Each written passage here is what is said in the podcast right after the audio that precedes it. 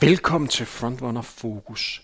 Det her er historien om Camilla Christensen, der ni måneder efter en fødsel løb imponerende 2.42 på maraton. Bliv klogere på, hvordan man træner med et spædbarn, og hvilke valg man bliver nødt til at tage som mor. Udsendelsen rummer et sponsoreret indslag fra Zetland. Frontrunner er produceret af Team Tempo. God fornøjelse.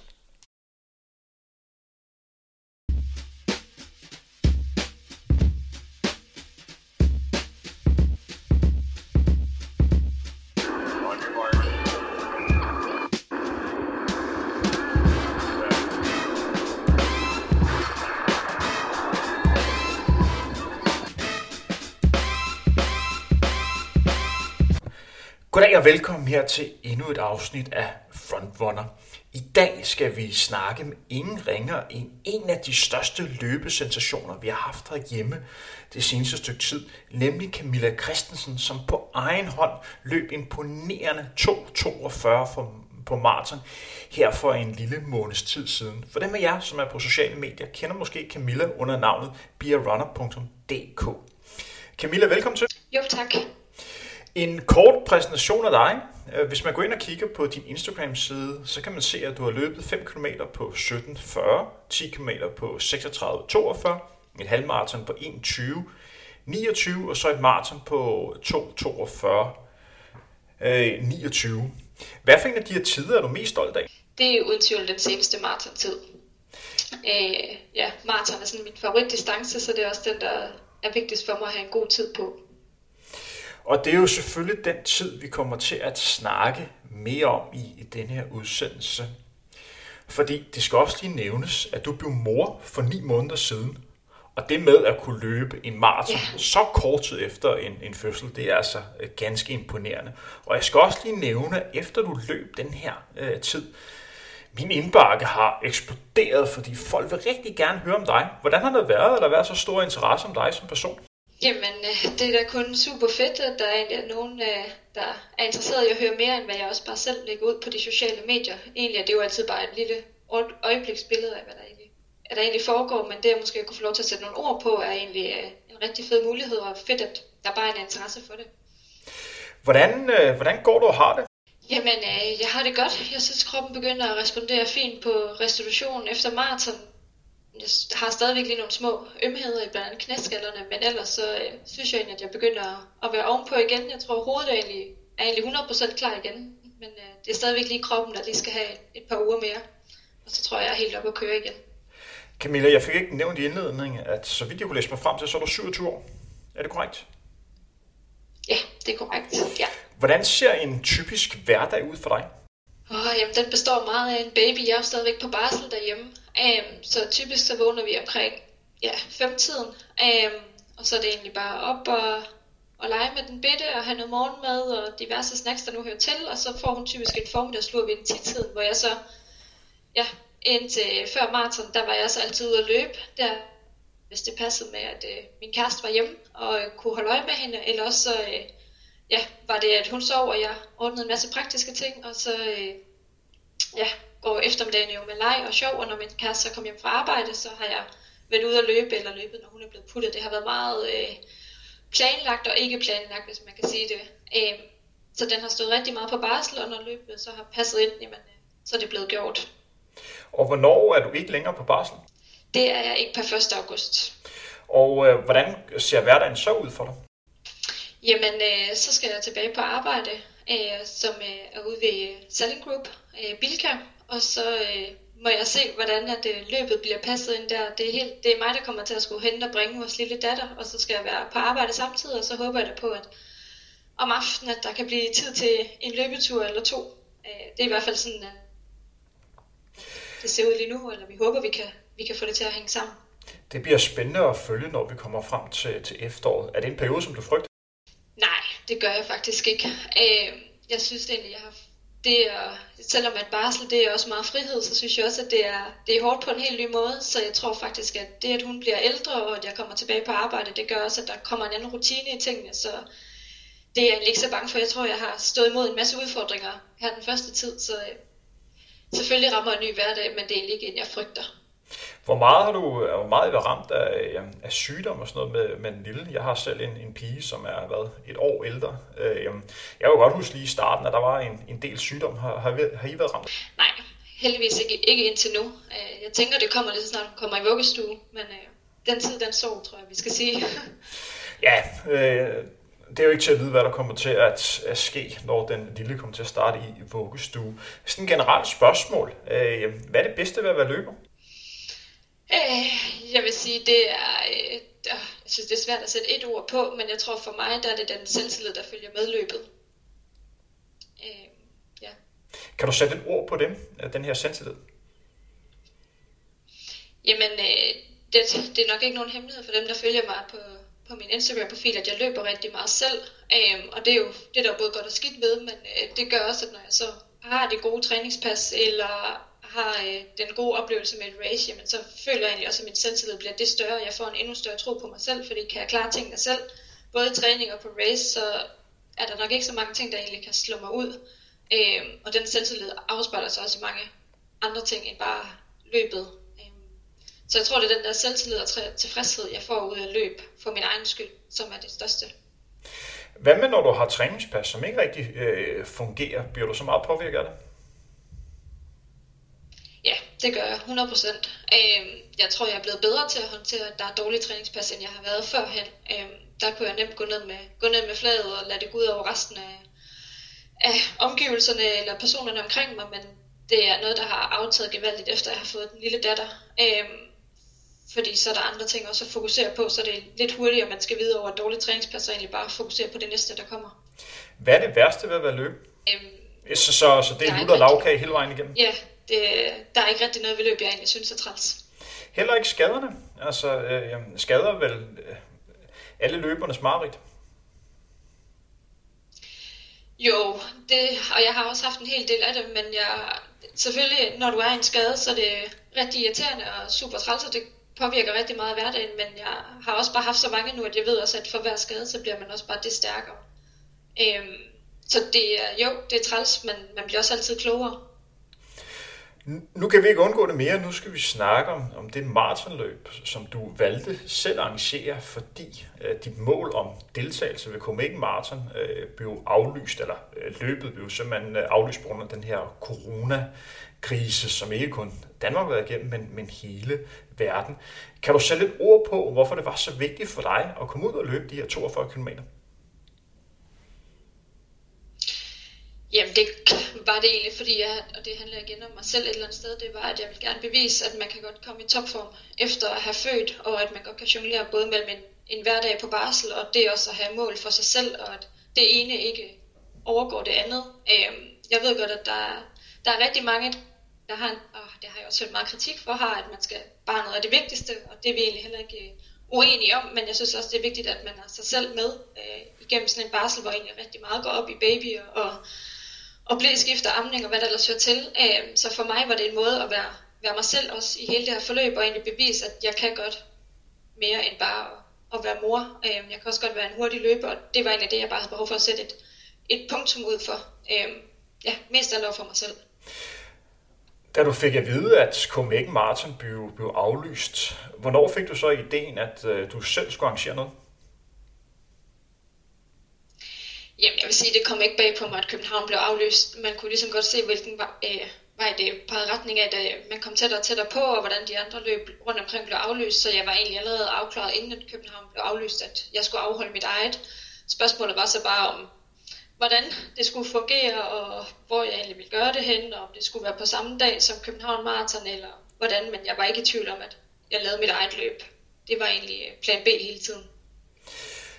Hvis du sådan kigger tilbage i den her øh, periode op imod dit maratonløb, som sagt blev løbet ni måneder efter, at øh, ja, du var igennem øh, i en fødsel. Hvornår tog du valget om, at du skulle løbe en maratonløb?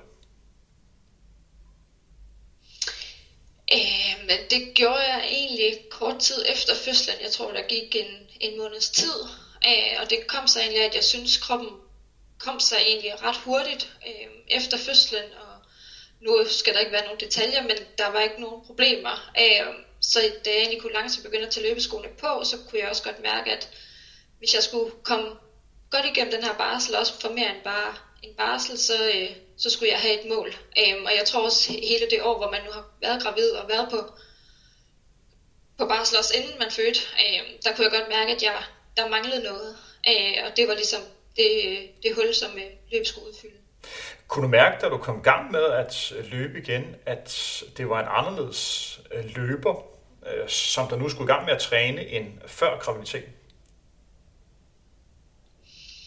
Ja, jeg synes ikke som sådan på kroppen, men øh, det er med en anden mental indstilling, man går ud til løbepassene. Fordi du ved ikke, det vidste jeg i hvert fald ikke, hvor lang tid jeg havde til at træne, om jeg fik et opkald fem minutter efter fra min kæreste om, at nu skulle jeg komme hjem, eller så det var egentlig øh, det var en helt anden mental indstilling, at man havde den tid, man havde til at træne, som den bitte tillod, og jeg havde ikke alle de gange om ugen, jeg gerne ville til at træne, fordi det passede ikke altid, så det var en, det var en helt anden måde lige pludselig at træne på, end jeg har været vant til. Meget uplanlagt og ustruktureret, og så alligevel lidt planlagt, hvis man kan sige det.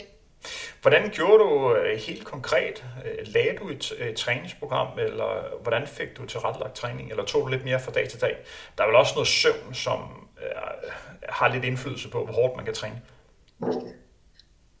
Absolut. Altså nu vil jeg sige, at vi sov ikke de første syv måneder. Øh, så øh, søvn har da spillet en stor, en stor rolle. Vi kan kun være glade for, at der kom søvn her til sidst, og det begyndte at spille. Øh, men jeg havde egentlig overordnet set, så var det en, at jeg havde en idé om, hvor mange kilometer om ugen jeg gerne ville løbe for sådan at gå progressivt frem med det hele, men om det blev 3 km den ene dag og 9 den næste dag, det var der ikke rigtig nogen planer om. Det var mere, hvad, hvad dagsformen var, og det var Emil. Og der mener jeg i forhold til den bitte, og i forhold til søvn og mad. Øhm, så det var sådan en uge, og så tog jeg dag for dag ud fra det. Så, så det var meget en træning, der tog, tog højde for øh, din dagligdag så som mor? Ja, præcis. 100 procent. Hvis man går ind og kigger på selve maratonløbet, kan du sætte et ord på, hvordan du byggede den her løbsdag op? Jeg kunne øh, se på de sociale medier, at du havde nogle, nogle hjælpere, der, der lå og hjalp lidt undervejs. Kan du beskrive lidt selve løbet fra, da løbet blev skudt i gang, til du lå over øh, målstregen? Eller var der en målstreg, eller hvordan, hvordan gjorde I? Jamen, øh, inden, inden selve løbet, der havde vi forsøgt at måle op på alle de måder, vi nu kunne øh, ruten, så vi havde en bestemt idé om, hvor et målstregen var, og at vi også var sikre på, at det ikke kun var vores GPS-ure, vi skulle gå efter, men at den var målt op så meget vi nu kunne gøre det. Øhm, så vi havde en idé om, at jamen, nu til dem, der kender Aarhus, så skulle vi rundt om tre gange om Brabrandsøen den store, og så skulle vi ind omkring Åbring, som det hedder, den lille del af Brabrand, halvanden gang. Øhm, og så var det så inden for ish, hvilken øh, ish en 200 meter, hvor et målstregen den øh, cirka var. Øhm, men altså, vi var en stor flok, der, der mødtes fra morgenstunden af. Vi havde aftalt at skyde løbet i gang kl. halv 10. Og øh, det var mig selv, der skulle løbe, og så var det min kæreste og hans kammerat, øh, som også skulle løbe deres maraton. Øh, og de havde fået en gruppe pacer med sig, og jeg havde så også fået tre øh, pacer med. Og klokken halv 10, der går øh, starten egentlig, og jeg ligger mig egentlig bag de tre, som skal tage vind, som var ret strid den dag. Øh, og de følger med rundt på, på første rute, eller på første runde hedder det. Og på anden runde går de egentlig også alle tre med, men den ene står så af efter et par, par kilometer i modvinden der. Og så har jeg de to med videre, som tager hele anden runde med. Og så den sidste runde tager jeg sig selv, hvor jeg så har min øh, bror med på cykel, som kunne, øh, kunne hjælpe mig med, med vinden. Og så havde han selvfølgelig også energien med på, på hele ruten. Øh, som han cyklede med, så jeg hele tiden havde ja, den væske, jeg nu skulle have, og alt det ikke skulle glippe. Øh, for jeg var godt klar over, at væsken var ret, ret øh, vigtig for mig den dag. Øh, og så var det ellers bare løb, uh, øh, og øh, så var målstregen, jamen øh, min familie havde stillet sig et sted, hvor vi egentlig troede, den var, men igen, jeg løb efter GPS den dag, så der var jo ikke en 100% korrekt opmålt rute. Øh, så da jeg havde løbet, hvad, 43, nej, 42,3, så stopper jeg for at være sikker på, jamen så har jeg i hvert fald løbet lidt mere end, end det jeg skulle. Øh, det var så ikke helt, hvor de stillede sig, men øh, sådan er det, når det er efter GPS. Netop det med, med, med GPS, altså du har jo gjort det så, så godt du kunne ude for de øh, hjælpemidler, som nu engang var til rådighed, og, og have den af, øh, for at du selv får, får arrangeret det, og, og tør at gå ud i det. Det er jo, lidt en udfordring at, at, at tage op på, på egen hånd. Men forstår du dem, der siger, jamen det er jo ikke en, øh, en rigtig maraton, fordi du har løbet på GPS? Hvad er dit svar der? jeg kan kun være enig, med selvfølgelig er, jeg vil sige, ja, tiden er ikke officiel, og ruten er heller ikke officiel, men for mig var det heller ikke vigtigt, at det blev officielt. For mig var det bare vigtigt, at jeg havde de 42,195 km, øh, og egentlig bare bevise det over for mig selv. Tiden er ikke officiel, men for mig er den, fordi det var, min, det var mit maraton. Var det overraskende for dig, at du kunne løbe så hurtigt som 2.42? Det er altså en glimrende maratontid af, af en kvinde. Ja, det var det egentlig. Øh, jeg var godt klar over i træningen, at det gik godt, og at jeg også lå til at kunne, kunne løbe hurtigt, men jeg var faktisk ikke klar over, at det kunne være så hurtigt, og at tingene endte med at spille, som de gjorde på dagen. Øhm, jeg havde jo helt fra start sagt, at målsætningen i godsøjen bare skulle være under tre timer, fordi det var ligesom en, en lidt en milepæl for mange maratonløbere at komme under de tre timer. Øhm, så det blev det også for mig efter fødslen. Og igen, fordi jeg ikke vidste, hvor lang tid jeg havde, eller hvad det, hvor lang tid i forhold til at kunne træne, jeg havde, og hvordan det hele ligesom lige ville gå an med en ny baby. Um, og så de sidste par måneder øhm, op til, der kunne jeg godt se, jamen, at tingene begyndte at spille ret godt formmæssigt. Um, så jeg gik egentlig for mig selv med en målsætning, der hed under 52, som så ville være ikke officielt, men en ny PR på, øh, på maraton for mig. Um, at den så ender nede i 2.42, det tror jeg stadig ikke helt, jeg har forstået. Hvad har du af mellemtid undervejs? Du må jo kunne fornemme, at du ligger til at løbe en rigtig, rigtig god tid. Jamen, jeg ligger egentlig ikke og fokuserer så meget på mellemtiderne. Jeg fokuserer egentlig mest på pacen øhm, undervejs og ramme en rigtig gennemsnit pace. Jeg havde gået efter, at den skulle hedde omkring 3,55, og så var jeg også et godt stykke under de, de 52. Så det var egentlig den, jeg fokuserede på. Øhm, og egentlig indtil tredje runde, der ligger jeg med en snitpace på 3,53, så jeg vidste jo, at jeg var på den, på den gode side og havde også noget i banken. Fordi det, man altid frygter ved et maraton, det er, at man går, går død til sidst. Øhm, men øh, på den sidste runde, der formår jeg så at hæve tempoet lidt, øhm, og får så ned på 3,51 i pace i stedet for. Øhm, og så kunne jeg godt se, jamen, at så var den helt sikker. Jeg var så bare ikke klar over, hvad tiden var, før, at, øh, før jeg stopper ud til sidst. Øh, så det var fedt. Det var en kæmpe overraskelse. Ja, det må det være. Bare i sådan rent øh, praktisk spørgsmål. Øh, hvem havde den lille, da du var ude at løbe? Da din kæreste var jo også ude at løbe. Han var også ude at løbe. Det var øh, min mor, mormoren, der har fået æren af at tage hende. Øh, det var også udfordrende i forhold til corona og isolering, at hun skulle øh, ikke kastes i armene på en fremmed, men så alligevel for hende, som hun ikke har set i, i flere måneder. Men øh, alt gik heldigvis øh, i godt, så længe vi var afsted. Så øh. Hvad med sådan noget som principielt, jeg ved ikke, øh, ammer du stadigvæk her? Det må vel også noget, der har indflydelse på, på selve løbet? Ikke længere. Øh, jeg stoppede med at amme efter syv måneder. Øhm, så det havde heldigvis ikke nogen indflydelse. Øh, og hun er også over på helt almindelig kost nu, så det var ikke, det var ikke så meget amning, men mere det med morsyg, som jeg tror, at jeg har lært til næste gang, hvis der bliver et maraton efter næste fødsel. Øhm, det er, at det nok ikke lige er i den her periode, jeg vil vælge at lægge et nyt maraton. Hvis man går ind og kigger på øh, den udvikling, der er sket for dig som, som løber, efter du sådan er blevet mor, man har jo set det gang på gang, at der er rigtig mange kvinder, som efter de har, de har født, opnår imponerende resultater. Hvad tror du, der gør for, øh, for kvinden, at hun performer så godt efter, at hun er blevet mor?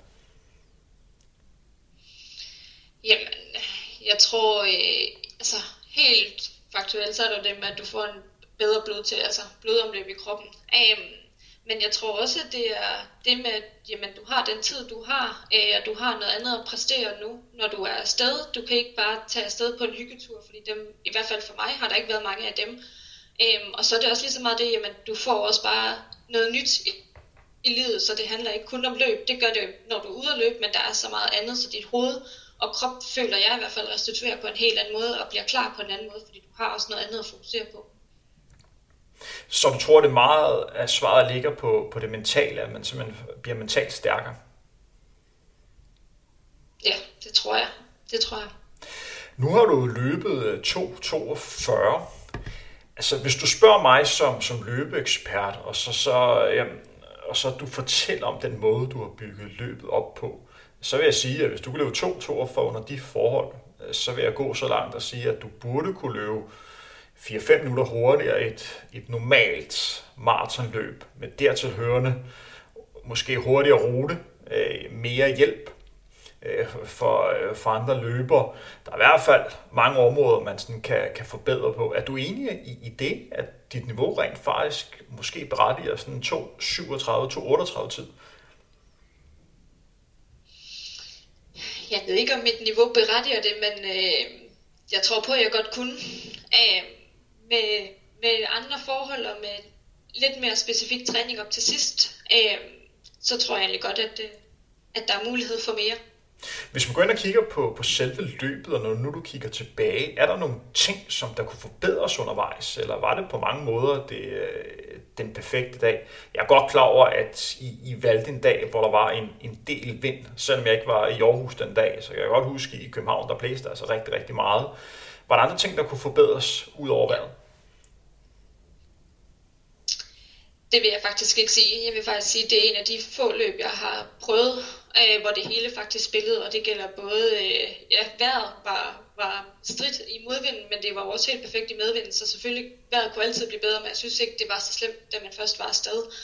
Øh, men energi spillede, noget så basalt som tøj og sko spillede, og der var ingen væbler, og selvfølgelig kan man altid bruge flere tilskuere, men det var jo ligesom godt klar over, det ville der ikke være til mit eget. Øh, så jeg der er faktisk ikke noget, jeg ville gå ind og optimere på, øh, udover at hvis det havde været til et reelt løb, hvor der havde været flere tilskuere og flere løber, det giver jo altid de sidste 10 procent, øh, men alt spillet på dagen.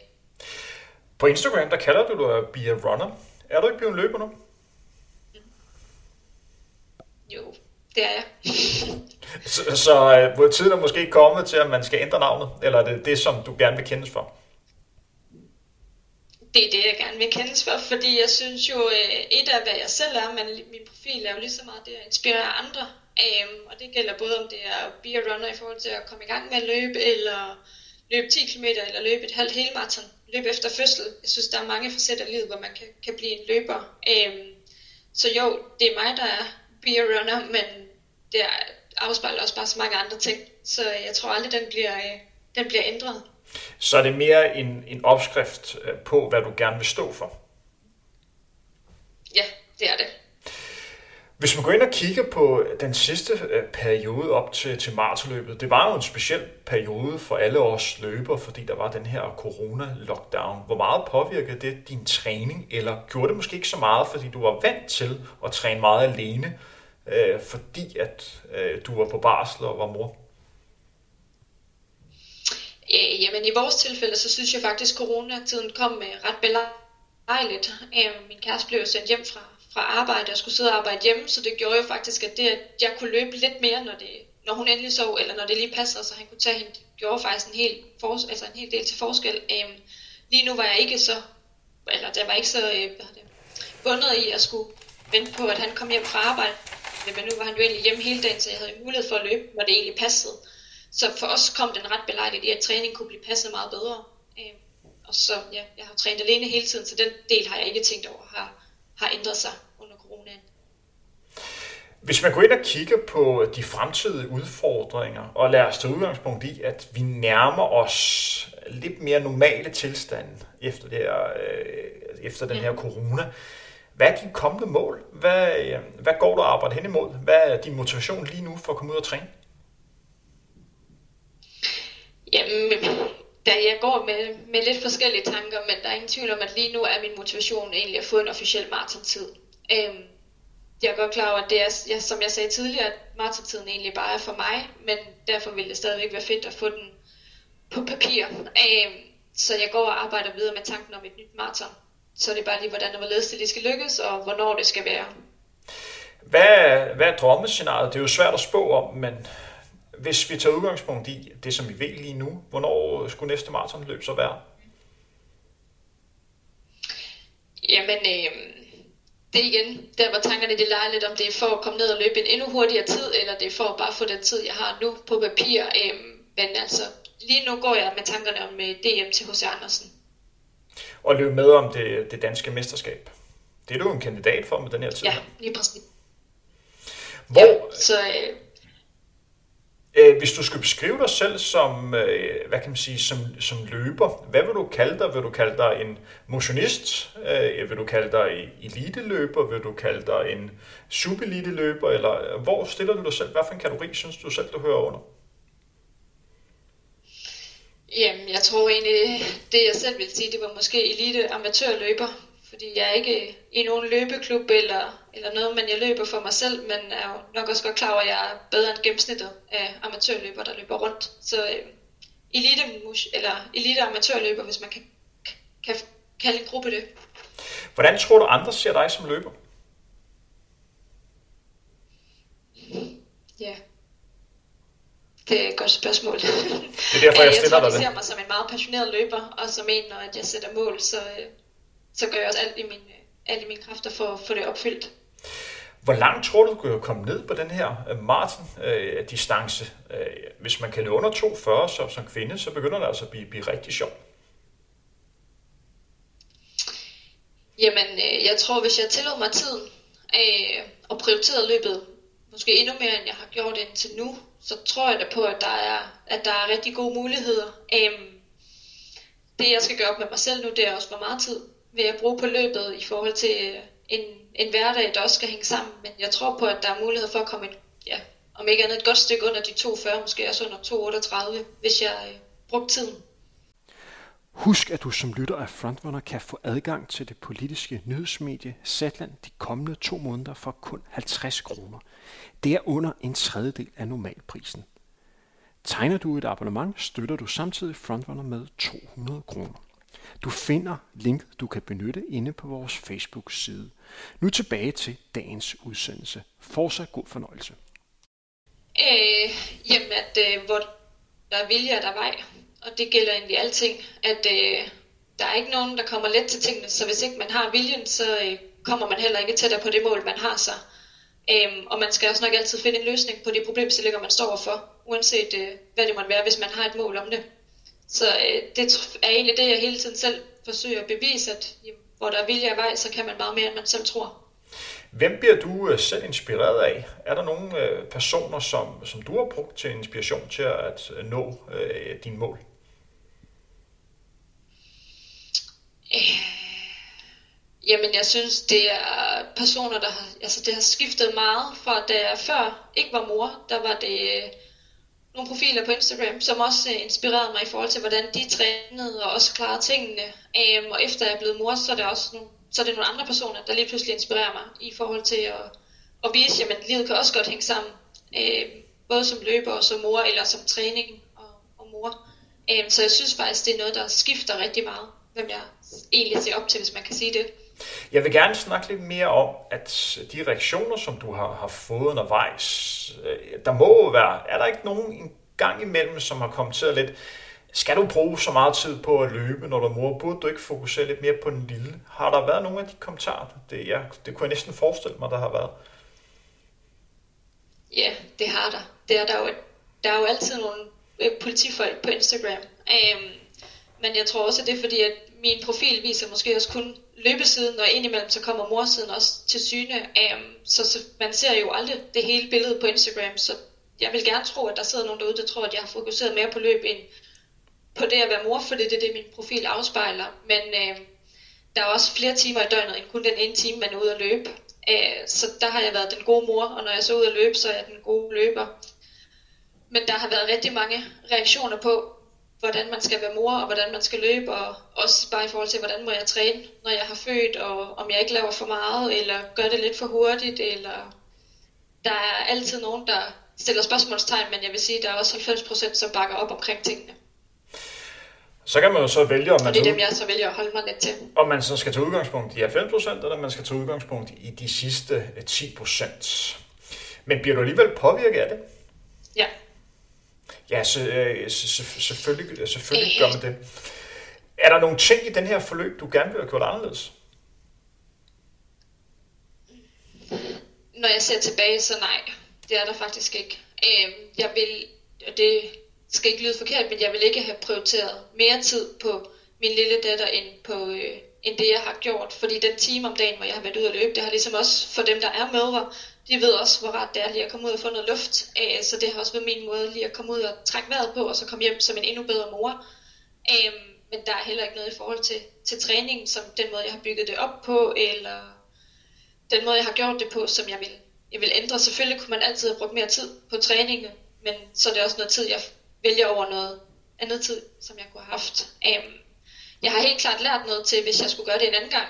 Øhm, men ja, lige den her, for den her gang, så er der ikke noget, jeg kunne have gjort anderledes ved at, er lidt den følelse, jeg står tilbage med nu. Rent øh, løbemæssigt og sådan rent skadesmæssigt, der sker jo en masse med, min en krop. Jeg har jo ikke selv følt, jeg er jo mand, men kender jo mange, som har været igennem en, øh, sådan en, øh, en graviditet og efterfølgende øh, fødsel. Og meget, der tager, har problemer med hoftebøjen og problemer med, med maven og, og ryggen og sådan efterfølgende. Har der været nogle af de problemer, du bare sluppet godt igennem det hele? Jeg tror, jeg sluppede meget mildt igennem det hele. Øh, selvfølgelig kunne jeg også mærke, at jeg havde født de første par måneder efter fødslen øh, i løbet, og der var også, altså, det var en anden følelse, man lige skulle finde ud af igen, hvordan kroppen egentlig lige er. Men jeg tror, det var lige så meget psykisk, det spillede ind for mig, at jeg var opmærksom på, at jeg havde født, at det egentlig var kroppen, der sagde noget. Øhm, jeg har døjet meget med ryggen i forhold til, at da jeg fødte, der fik jeg lagt en epidural, øhm, og den har jeg stadigvæk problemer med den dag i dag. Men det er mere i hverdagstingene, øh, og den har heldigvis ikke påvirket eller sat begrænsninger for løbet endnu, hvis man kan sige det. Jeg tror ikke, den kommer til det, men det er en af de ting, jeg stadigvæk godt har kunne mærke fra fødslen af. Hvad med sådan rent uh, træningsmæssigt? Hvis man skal løbe på, på det niveau, som, som du har løbet, så skal man altså igennem nogle relativt hårde pas. Har det været svært for dig at komme igennem de her intensive pas? Øh, det er jo, jeg gerne vil hen med med spørgsmålet. Hvad for en type træning har været sværest for dig at komme igennem? Øh, men jeg synes faktisk, det har været de rolige ture. Øh, og det er fordi, jeg tror, det har hele tiden ligget i baghovedet, om min kæreste ringer lige om lidt, og når jeg så passer, hvis han ringer lige om lidt, og kan jeg nå at løbe de 10 rolige kilometer, jeg skulle, eller skal jeg skynde mig hjem, hvis nu tingene brænder på. Øh, så jeg synes, det har været enormt svært at få løbet nogle rolige ture. Øh, det er simpelthen fordi, at der er du mere tid til at, tænke igennem, hvad der kunne komme til at ske. Når du løber et intensivt pas, så er du måske lidt, lidt mere fokuseret på at være til stede. Præcis. Så kan jeg ikke nå at tænke så mange tanker, plus så ved jeg egentlig også, at passen er hurtigt overstået, jo mere tempo der er på. Så ja. For at være helt konkret, hvor mange kilometer var du op at løbe i den her, den her periode op til dit maratonløb? Jamen, men øh, gennemsnit for de 9 måneder, der har det egentlig kun ligget på 44,5 km om ugen. Øh, jeg nåede op på at have en uge på 95 km, godt fire, måneder, eller fire uger havde det før øh, maraton. Så det var ikke sammenlignet med min tidligere maratontræning, og så var det meget let mængde, jeg havde. Øh, men det var det, tiden tillod. Hvad med rent øh, tidsmæssigt? Øh, hvor hurtigt lå du at løbe på de her ture her? Hvordan ser en, en typisk træningstur ud for dig? Jamen, til forskel fra min tidligere træningsperiode op, op til maraton, så har jeg ligget egentlig rigtig meget omkring 3.40-3.50 og trænede, og indimellem nogle intervaller, der var lidt hurtigere, men jeg var godt, øh, jeg synes ikke, at jeg fik bygget min fart rigtigt nok op i forhold til at ligge og træne de helt hurtige intervaller. Øh, så jeg brugte meget tid på egentlig at ligge og træne lige omkring, og lidt hurtigere selvfølgelig end mit planlagte maraton pace, for egentlig bare at vende kroppen til det, og så måtte alt andet fart komme lidt ved siden af det. Så jeg trænede rigtig meget i blokke omkring 340-350. Øh, og det var egentlig både i, jamen egentlig også i intervaller, men også når jeg tog ud og løb en tempotur, eller når jeg løb mere specifikt senere hen min maraton træningstur, så var det rigtig meget i det tempo og i blokke. Der sker jo rigtig meget øh, i, på løbescenen her, herhjemme lige i øjeblikket. Hvis vi fokuserer på, på kvindeløb, så er der jo rigtig mange kvinder som dig selv, som opnår øh, flotte resultater. Der er rigtig mange, som dedikerer en masse træningstid. Og der er rigtig mange, som opnår rigtig fine resultater og, og har gode niveauer, som er, som er påfaldende, for jeg tror faktisk, at vi er ved at ramme en bredde, som vi ikke har set i mange år, øh, rent kvindemæssigt. Hvad tror du årsagen er til det? Jamen, jeg tror, der kommer et større og større fokus på løb, og jeg tror også, vi ser nogle forskellige sider af løb. Øh, og jeg tror, det er takket være de sociale medier. Øh, jeg tror, der er rigtig mange, der bliver inspireret derovre. Vi inspirerer hinandens træning henover der, og også en platform som Strava, jamen der inspirerer vi også alle sammen hinanden til træningspas, fordi os, der har, har åbne profiler. Øhm, men jeg tror bare, at der er en, en ny rejse mod løb, øh, fordi det er blevet sådan en folkesport, men der er flere, der har mulighed for at gøre sig godt inden for den. Så jeg tror egentlig, vi, er, vi præger hinanden alle sammen til at kunne blive hurtigere. Hvordan er din egen idrætsbaggrund? Øh, så vidt jeg husker, så har du også spillet fodbold, er det ikke? Jo, jeg kommer fra fodbolden af, øhm, hvor jeg nu, hvad der dengang var det højeste niveau inden for, for kvindesporten og var på landsholdet. Øhm, men kom ind i, et, i fem skadesår, hvor jeg fik øh, ni operationer øhm, i knæ og ankel, og så blev jeg fodboldinvalid til sidst, og fik så at vide, at jeg måtte løbe, eller vælge mellem løb, cykel og svømning. Og det blev så til at starte på løbet, fordi det kom så lidt mest naturligt fra at have spillet fodbold og løbet efter en bold. Øhm, og så har jeg jo så lige kort vej haft halvanden år, hvor jeg var inde omkring triathlon og gik så tilbage til løb igen. Hvad er den største forskel på at spille fodbold og, og løbe? Det er helt klart, at øh, ved løb der er du øh, 100% af, altså afhængig af dig selv i forhold til at opnå resultater. Hvor ved fodbold der er du jo et, et hold, og der er flere, der skal spille godt på dagen, for at det lykkes. Øhm, så det er jo individuelt og fællesskabet, der er den helt store forskel. Savner du nogle gange det kammeratskab, som var øh, i fodbold? Jeg går ikke ud fra, at det er helt det samme øh, i løb. Jeg kommer selv fra fodbolden af, og det er jo sådan som løber.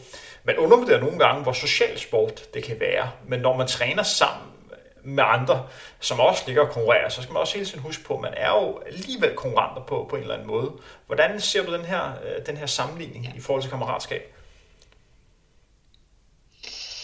Jamen, jeg synes egentlig, at altså ved fodbold, der synes jeg også, der selvfølgelig er der et kammeratskab, hvor man skal gøre det godt, men det er også lige så meget et kammeratskab, der gør sig gældende uden for løbet, altså i forhold til at være gode venner, hvis man kan sige det.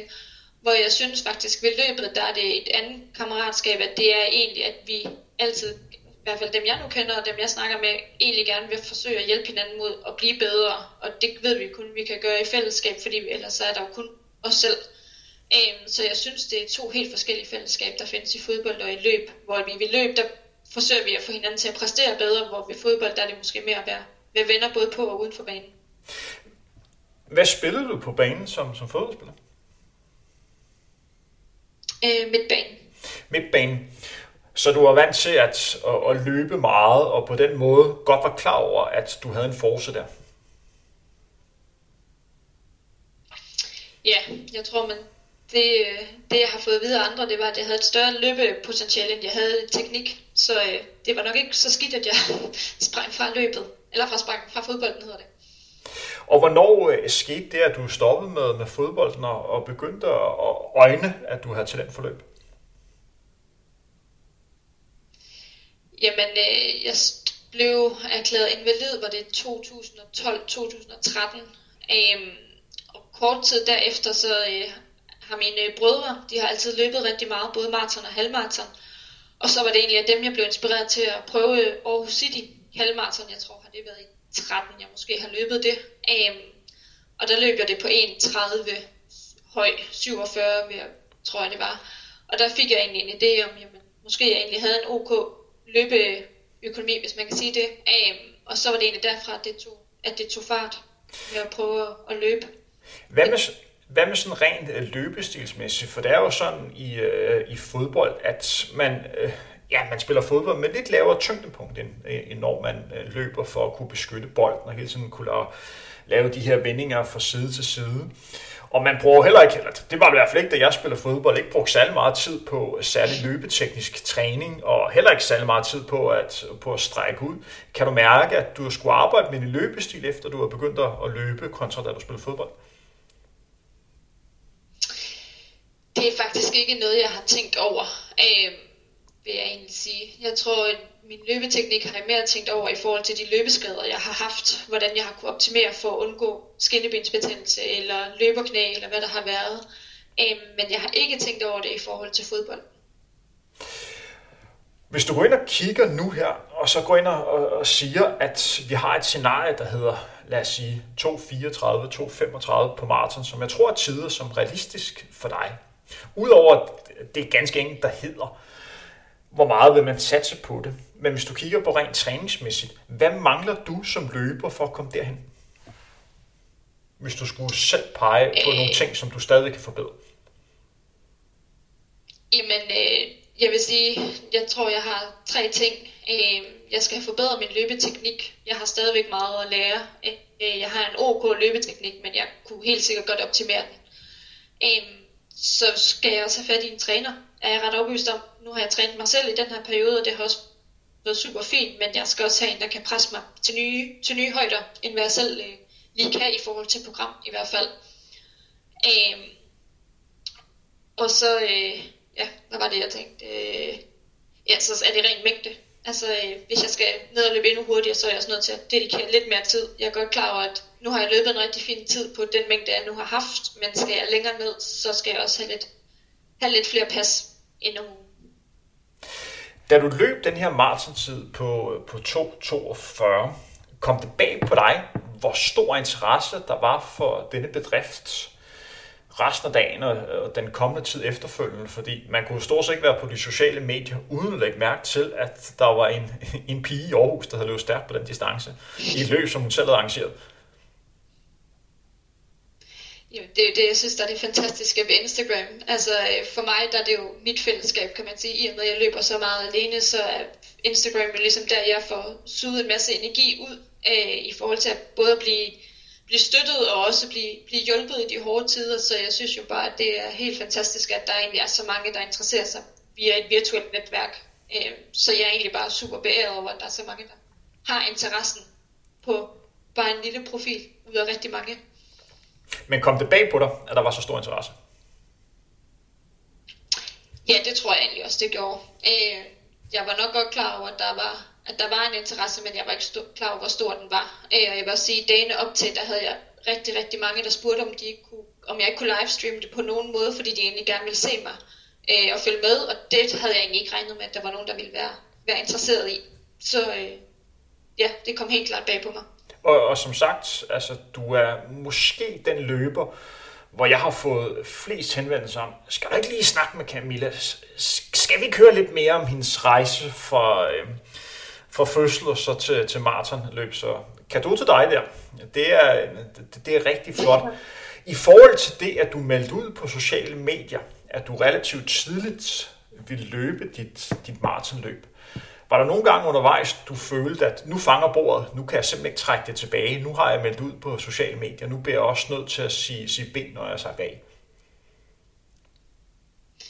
Ja, det var der helt sikkert mange gange, jeg følte. Øh, jeg vil sige, det, jeg kan jo ikke sammenligne, men vi har kæmpet rigtig meget med vores datter i forhold til søvn. Øhm, og hvis jeg har fået netop med tre timer søvn de første syv måneder, så tror jeg, at vi har været, vi har været heldige.